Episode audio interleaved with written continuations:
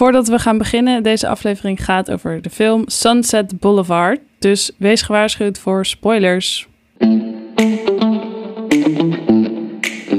We zijn er klaar voor. Film-episode.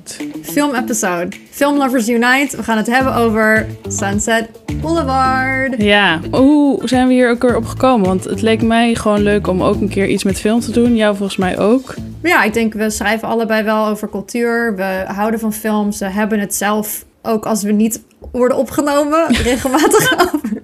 We praten ook wel eens off microfoon en dan hebben we het over film en televisie. Ja. Uh, laatst hebben we het nog uitgebreid gehad over uh, Sundance en wat we daar wel niet um, leuk vonden. Hoewel jij veel meer films hebt gezien dan ik. Ja, ik heb er nu 29 gezien dit jaar. Het meeste dan ooit.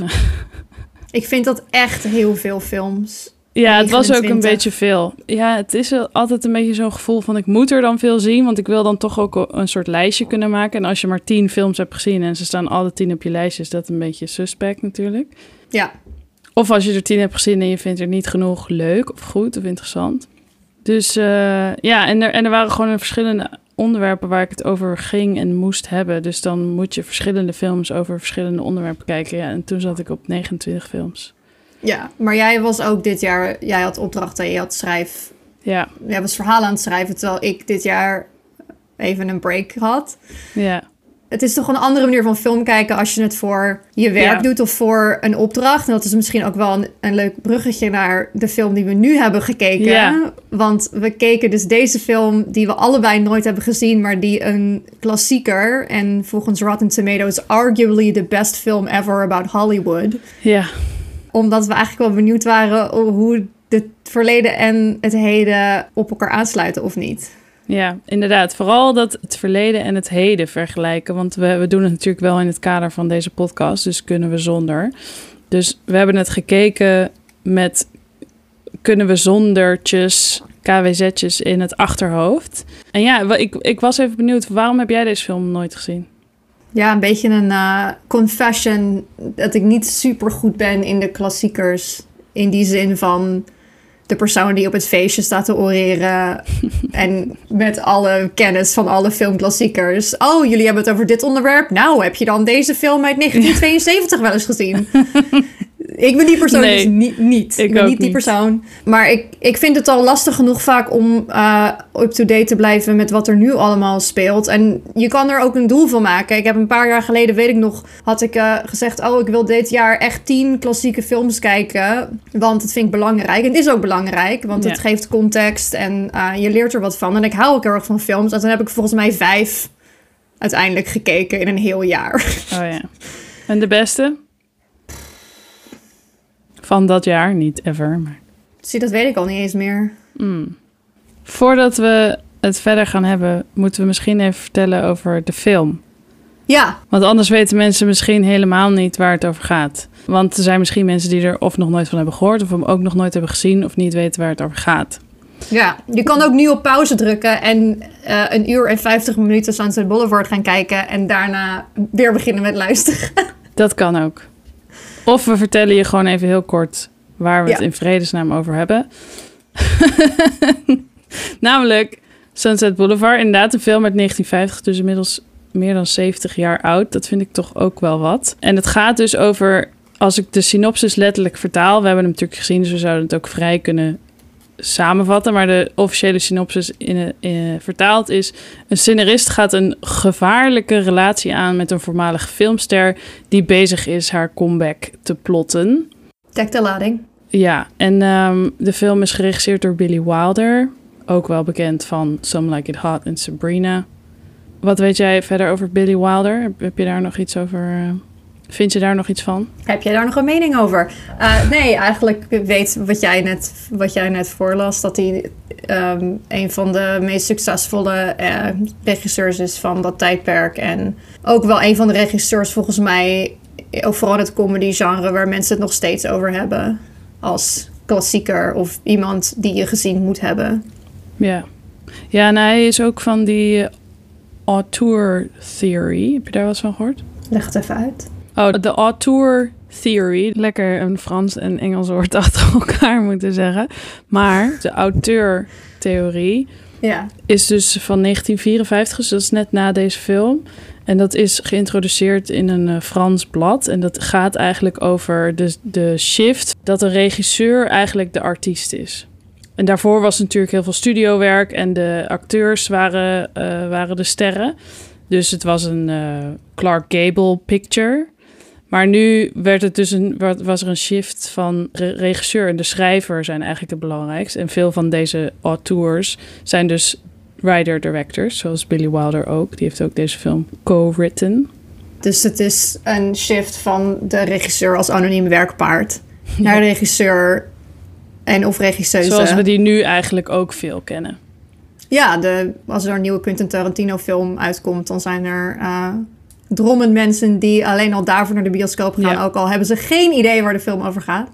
Ja, ja en de film is eh, van Paramount. Die zit ook eh, groot in de film. Eh, de hoofdrollen zijn voor Gloria Swanson en William Holden. En weet jij trouwens, want dat is dus zoiets wat ik tijdens de film kijken heb opgezocht. Want ik kende beide acteurs niet. En ik kijk een film en dan kijk ik altijd op IMDb. Dan zit ik allemaal te kijken van wie is dit? Waar zat hij nog meer in? Oh, waar ken ik die van? Weet je wel zo. Ja, het tegenovergestelde van singletasking. ja. ja, dat heb ik dus. Ik heb, dat is een van de dingen die me echt niet gelukt zijn sinds de 24-7 aflevering. Om dat te laten. Ik kan dat gewoon niet laten. Ik moet dat soort dingen gewoon weten. Dus ehm, waar ik dus achter kwam is dat eigenlijk deze film. Want eh, de hoofdrol, Norma Desmond, die is dus een voormalig silent era ster. eh Ja. Megaster. En die heeft het eigenlijk niet zo goed gedaan, of goed, eh, net zo goed gedaan in de talkies, waar er dus wordt gesproken in de film.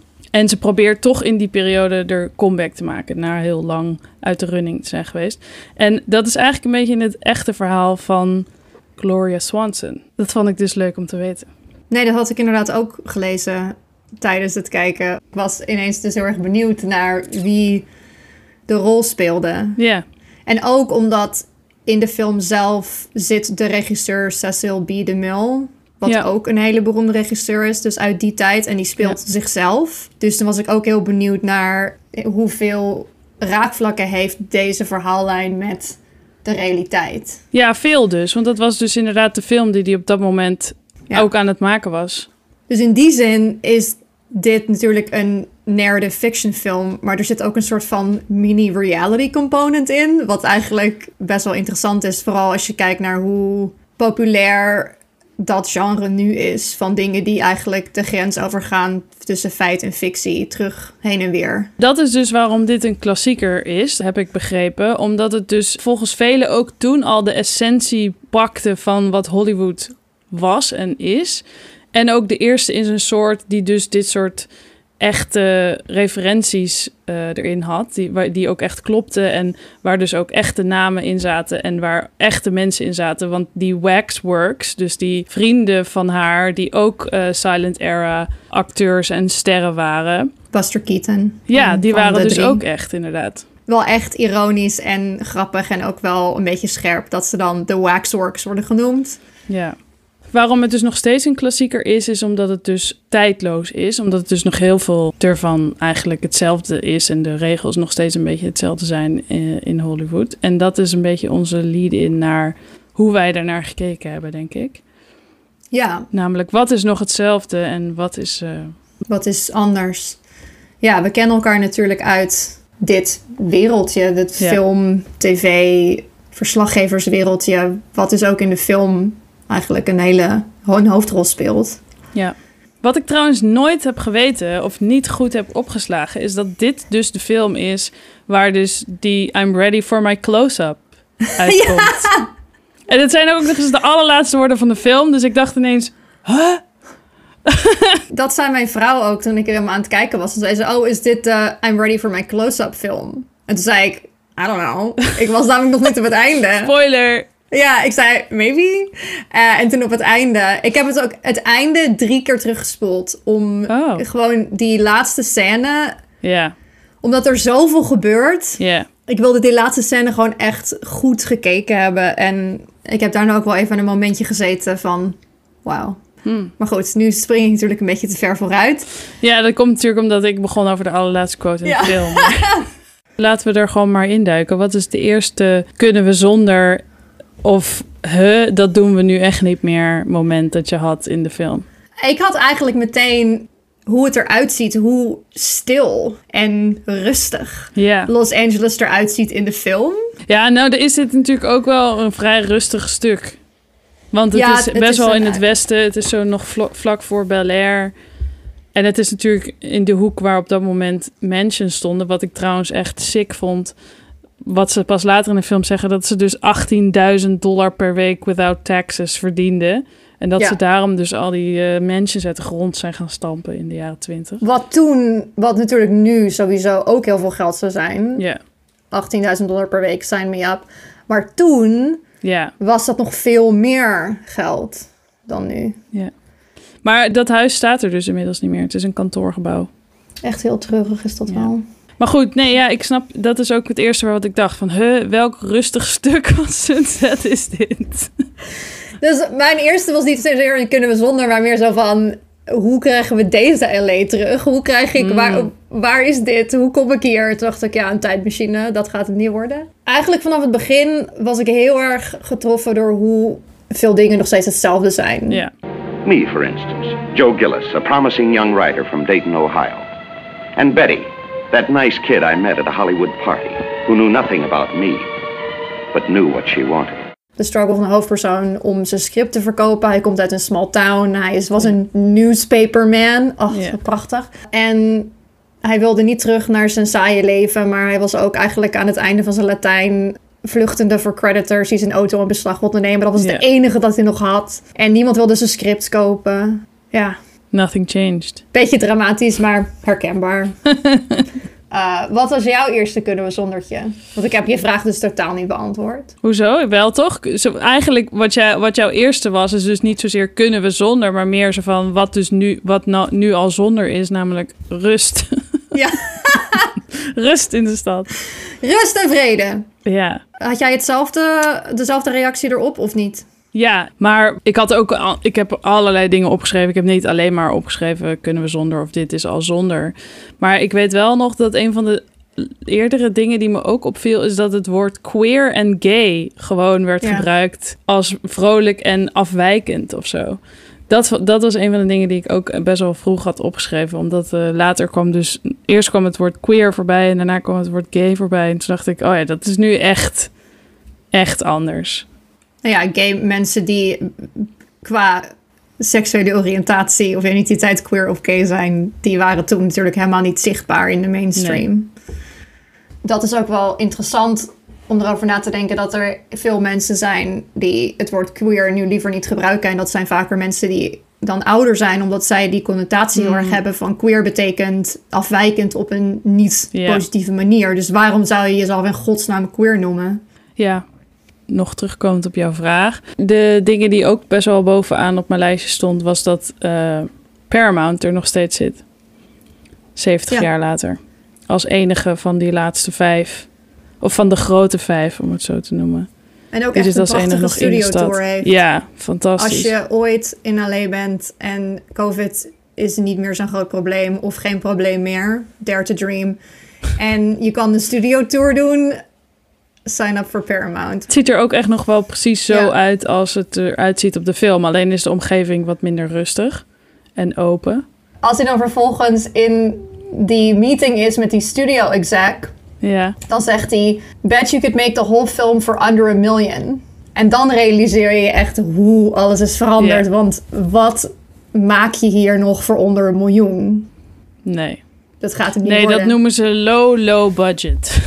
Ultra, daar is zeg maar een schaal voor in de unions. Die heet ultra low budget. ja, En dat is alles onder een miljoen. ja. Ja, ik vond het als schrijver heel leuk. De ehm, conversatie met zijn agent, om daar even op terug te komen. Dat zijn agent zei van, oh, het verlies van je auto is waarschijnlijk het beste wat je kan overkomen. Want dan moet je wel schrijven.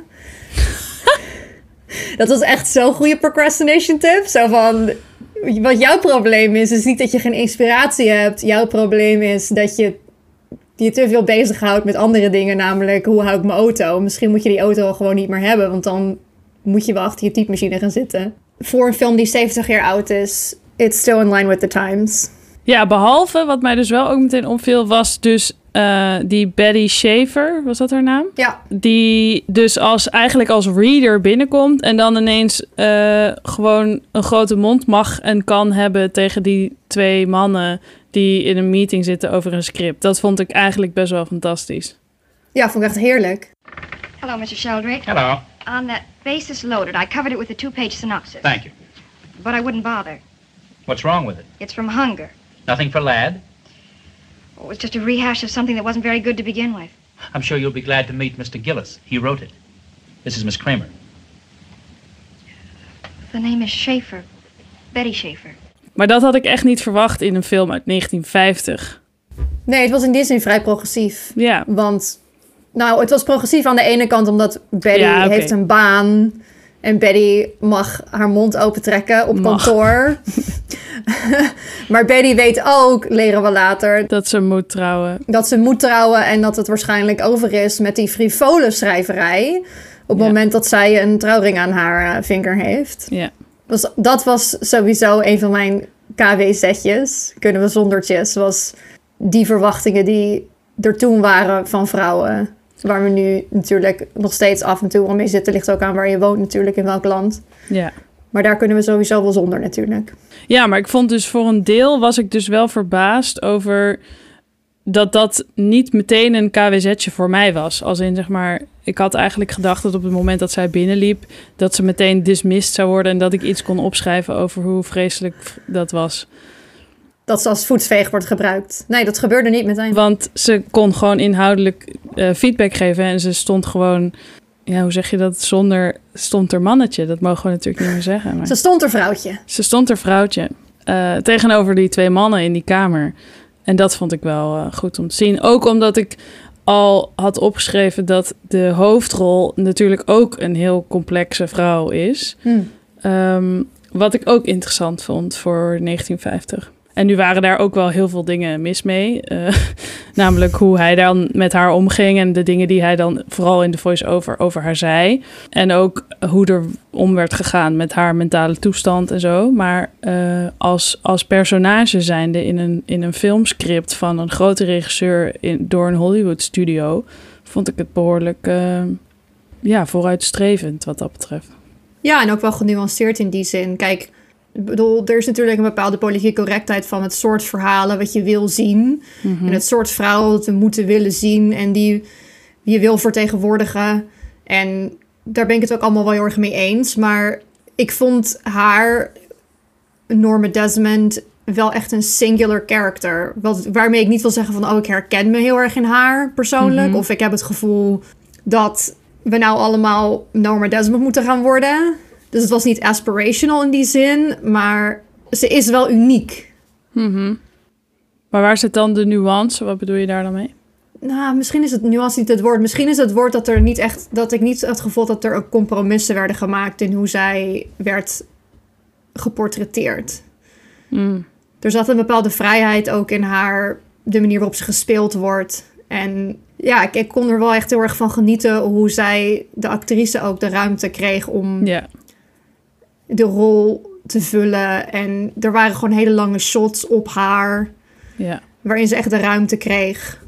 Dus misschien is dat meer wat ik bedoel. Misschien is ze was natuurlijk wel, ze is wel een larger than life character. Dus misschien is nuance niet het juiste woord. Maar er, was, er zat wel een bepaalde vrijheid en een bepaalde size in. Ja, Waarvan ik dacht, hier krijgt iemand de ruimte. ja.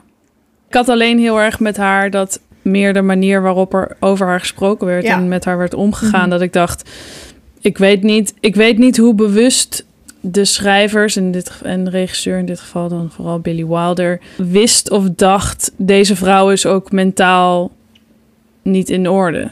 Of dat ze gewoon werd weggezet van... oh, dit is gewoon een overdramatische vrouw... eh, hysterical, crazy psycho. Terwijl volgens mij lag er wat dat betreft meer nuance onder... die ik dus juist niet heb gezien in de film. Nee, daar ben ik het mee eens. Ja, de conclusie uit de film was ook een beetje van... als je zoveel fame en fortune hebt vergaard... en je verliest dat of dat is er niet meer... of niet meer op dezelfde manier... dan kan er ook bijna niks anders gebeuren dan dat je madness krijgt. Terwijl dat hoeft natuurlijk helemaal niet. Je hoeft ook niet per se zo te eindigen als jij of mensen om je heen je ook de proper care geven. Ja. En dat vond ik nu ook niet het geval. Nou ja, de tragedie is natuurlijk dat zij een enabler had. Max, Ja. haar ex-husband, of ik weet niet of ze nog steeds getrouwd waren. Ja, dat was mij ook niet duidelijk. Maar de man die dus haar, haar butler, ehm, spoiler alert, de man die, waarvan we denken dat hij haar butler is. In een van de mooiste, vind ik, reveals van de film, in de garage, zegt hij dus tegen de hoofdpersoon, ik was haar husband. Dan hoor je ook zo die muziek. Ja. maar hij is dus de enige die er nog is en de enige die haar illusies in stand houdt. En dan merk je ook van, oh, hij is degene die haar nog steeds brieven schrijft, waardoor ze denkt dat ze nog fans heeft. Ja.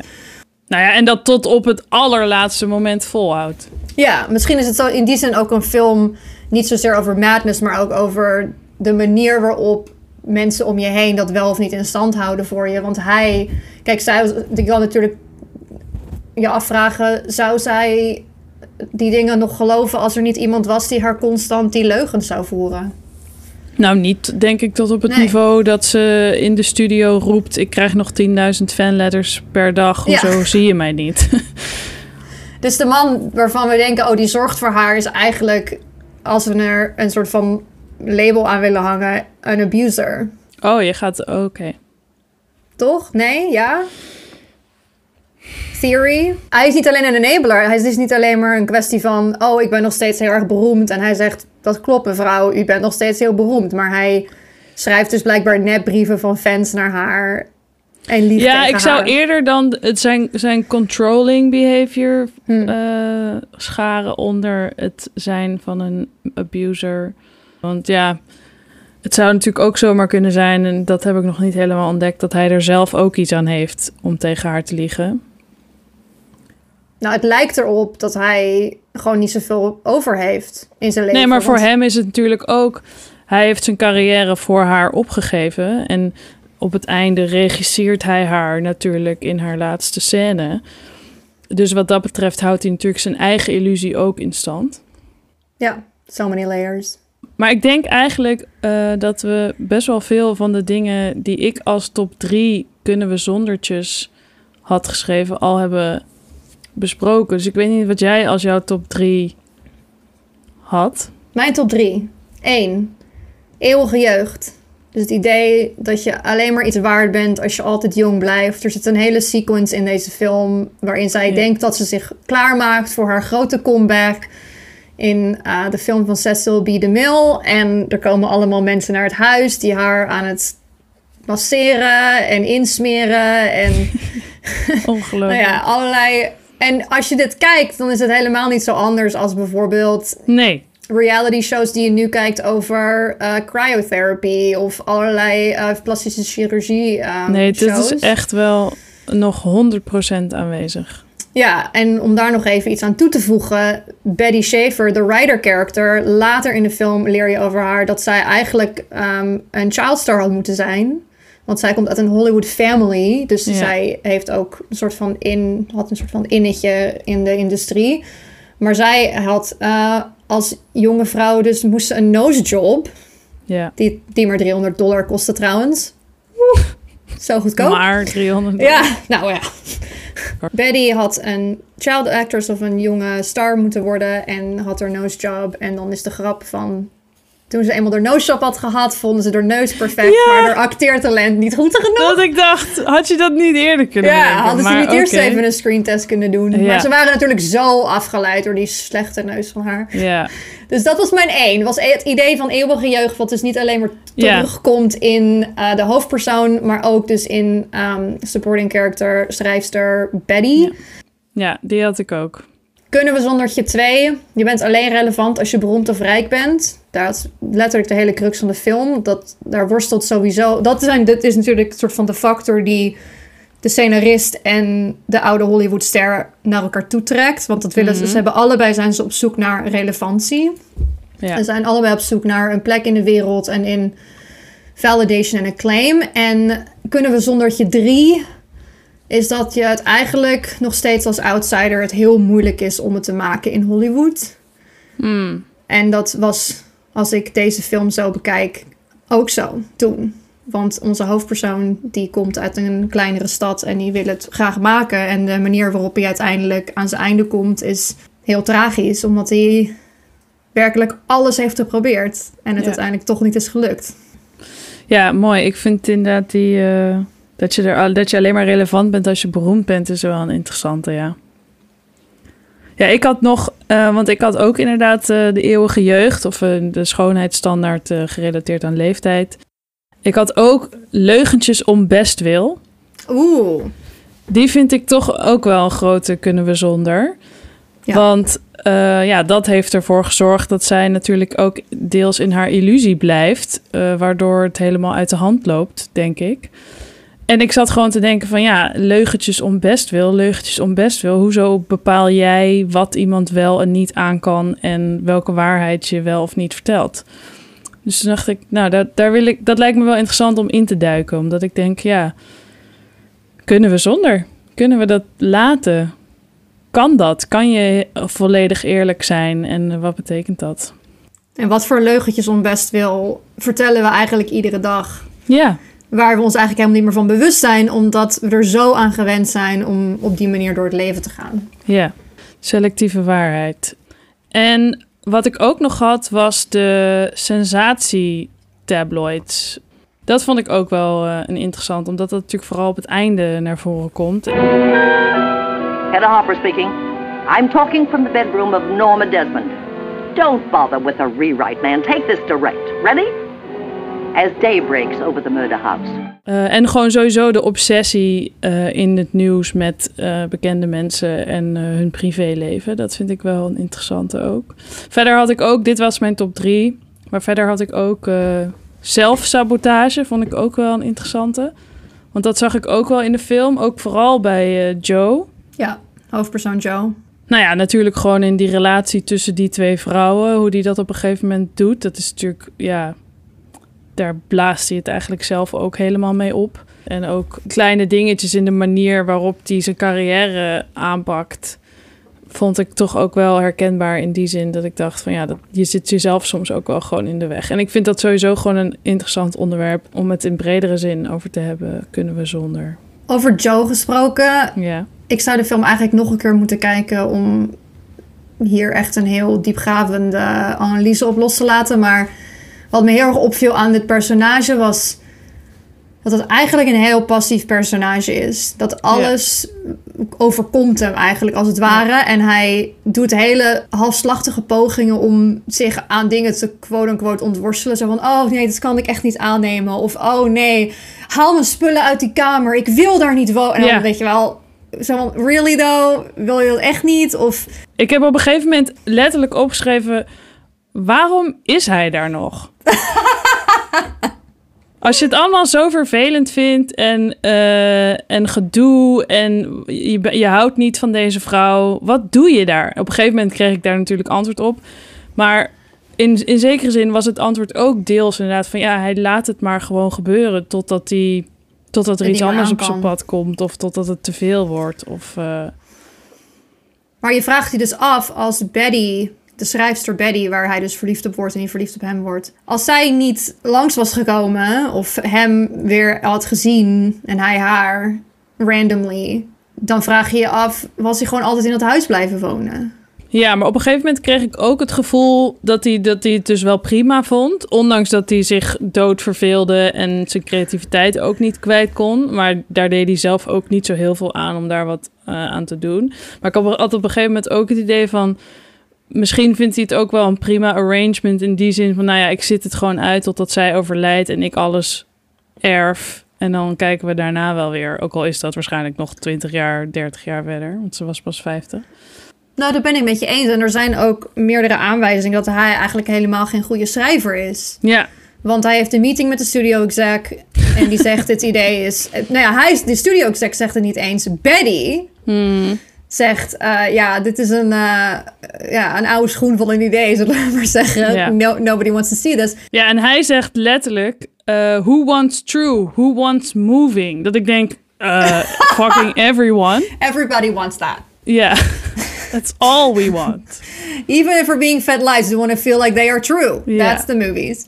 Uh, maar zijn script, wat hij dus, waar, hij is dus ingehuurd door uh, Norma Desmond om haar monsterscript, wat in uh, grote pakketten op haar bureau ligt, te herschrijven. En Cecil B. DeMille zegt op een gegeven moment: de script is trash. Ja. Dus dat is aanwijzing 2, dat Joe misschien niet de schrijver is. En dat is misschien ook waarom hij blijft. Want als hij diep van binnen weet: ik heb een droom, maar ik heb niet de talent to back it up. Waarom dan niet gewoon dit proberen? ja. Bij een rijke, delusional vrouw inwonen. Maar wat jij net zegt trouwens over inderdaad dat Betty dan dus degene is die, er, die hem erop wijst van nou dit is gewoon een oud idee en ook niet zo goed uitgewerkt. Ik had twee dingen opgeschreven waarvan ik dacht nou hier wil ik dus meer van. Waaronder dus complexe rollen voor vrouwen of interessante hoofdrollen voor vrouwen, zeker van op leeftijd. En het tweede was dus share credit where credit's due. Want hij, zij krijgt uiteindelijk wel de byline. Het is wel written by allebei. Het script waar ze samen aan werken. Ja, en dat vond ik wel dat ik dacht van ja, nou, als dat nou echt gebeurde in die tijd, dan waren er een heleboel mensen waar we nu niks van hebben gehoord, waar we, waar die nu gecredit zouden zijn op hele grote klassieke films. Dus toen, daar had ik van opgeschreven van ik wil meer. Dus niet kunnen we zonder, maar ik wil meer. Ja, dus in die zin, op bepaalde punten is het dus ook wel een aspirational film. Van dit is een film over Hollywood, maar ook over hoe Hollywood een betere versie van zichzelf zou kunnen zijn. Of een andere versie van zichzelf zou kunnen zijn. Ja, terwijl het ook een hele cynische, dark kijk op Hollywood is, vind ik hoor. Dus wat dat betreft vind ik het niet zo aspirational. Maar meer dat je het moet laten zien voordat er iets kan veranderen. Of je moet het aan het oppervlakte brengen. Wat is dan de top drie kunnen we zonder waar we misschien over kunnen overwegen of we dat volgend seizoen gaan bespreken? Nou, we hadden natuurlijk de overlap met de eeuwige jeugd. Ik vind dat een interessante en jij ook. Dus Eeuwige dat lijkt me jeugd. een goeie. Leugentjes om best wel vind ik super interessant. Ook vanuit Ja. van psychologisch opzicht. En omdat het iets is wat ze in ons dagelijks leven volgens mij allemaal doen. Tot op zekere Ja. hoogte. Ja, en ik vond wat jij zei over relevantie als je beroemd bent ook heel interessant. Dus ja, ik vind die drie eigenlijk wel heel leuk. hebben we dankzij Sunset Boulevard toch maar mooi eh, een hele Ja. trits aan eh, onderwerpen verzameld voor ja, die gaat gewoon op het masterdocument. Ja, het is echt wel een film, denk ik, waar je nog steeds veel uit kan halen. Zoals wij natuurlijk ook geconcludeerd hebben. Maar die ook Ja. gewoon heel leuk is om te kijken. Ik heb er echt... Het, is niet, het voelde niet... Het was een soort van huiswerk, want we wisten dat we er een aflevering over, over gingen maken. Maar het voelde niet als van... Oh, nou, oké dan. eh, dan ga ik er even voor zitten. Ik vond hem wel lang. Ik vond hem helemaal niet lang. Oh, oké. Een uur vijftig? Ja, nee, in theorie is hij niet lang, maar ik vond hem op een gegeven moment wel dat ik dacht... Oh, ik moet nog 50 minuten. Wauw, ik ben hier echt heel verbaasd over. Bij deze film had ik het gevoel, You breeze through it. het was het waard. Ik heb er ook wel echt om gelachen. Ik ben meerdere keren verbaasd erdoor. Het voelde wel nog steeds heel modern eigenlijk. Dus aanrader. Ik neem eigenlijk aan als je deze hele aflevering hebt afgeluisterd, dat je hem hebt gezien. Of dat je hem gaat kijken. Ik heb namelijk ook wel eens naar filmpodcasts geluisterd over een specifieke film, waardoor ik, die ik dan nog niet had gezien. En ja, dan heb ik dus de spoilers accepted. En dat ik dan daarna dacht, oh, ik ga hem toch nog even kijken. Dus zou hem als je nu geïnspireerd bent, ja, ga hem gewoon kijken. Kijk hem voor Old Hollywood. Kijk hem voor Interesting Character Study. Kijk hem voor alle dingen die eigenlijk nog steeds best wel hetzelfde zijn. En sommige dingen niet. Ja, en als je hem gezien hebt en, je hebt nog een kunnen we zondertje ontdekt die wij niet hebben besproken, laat het weten. Because Mr. DeMille. I'm ready for my close-up. Tot volgende week. Joep.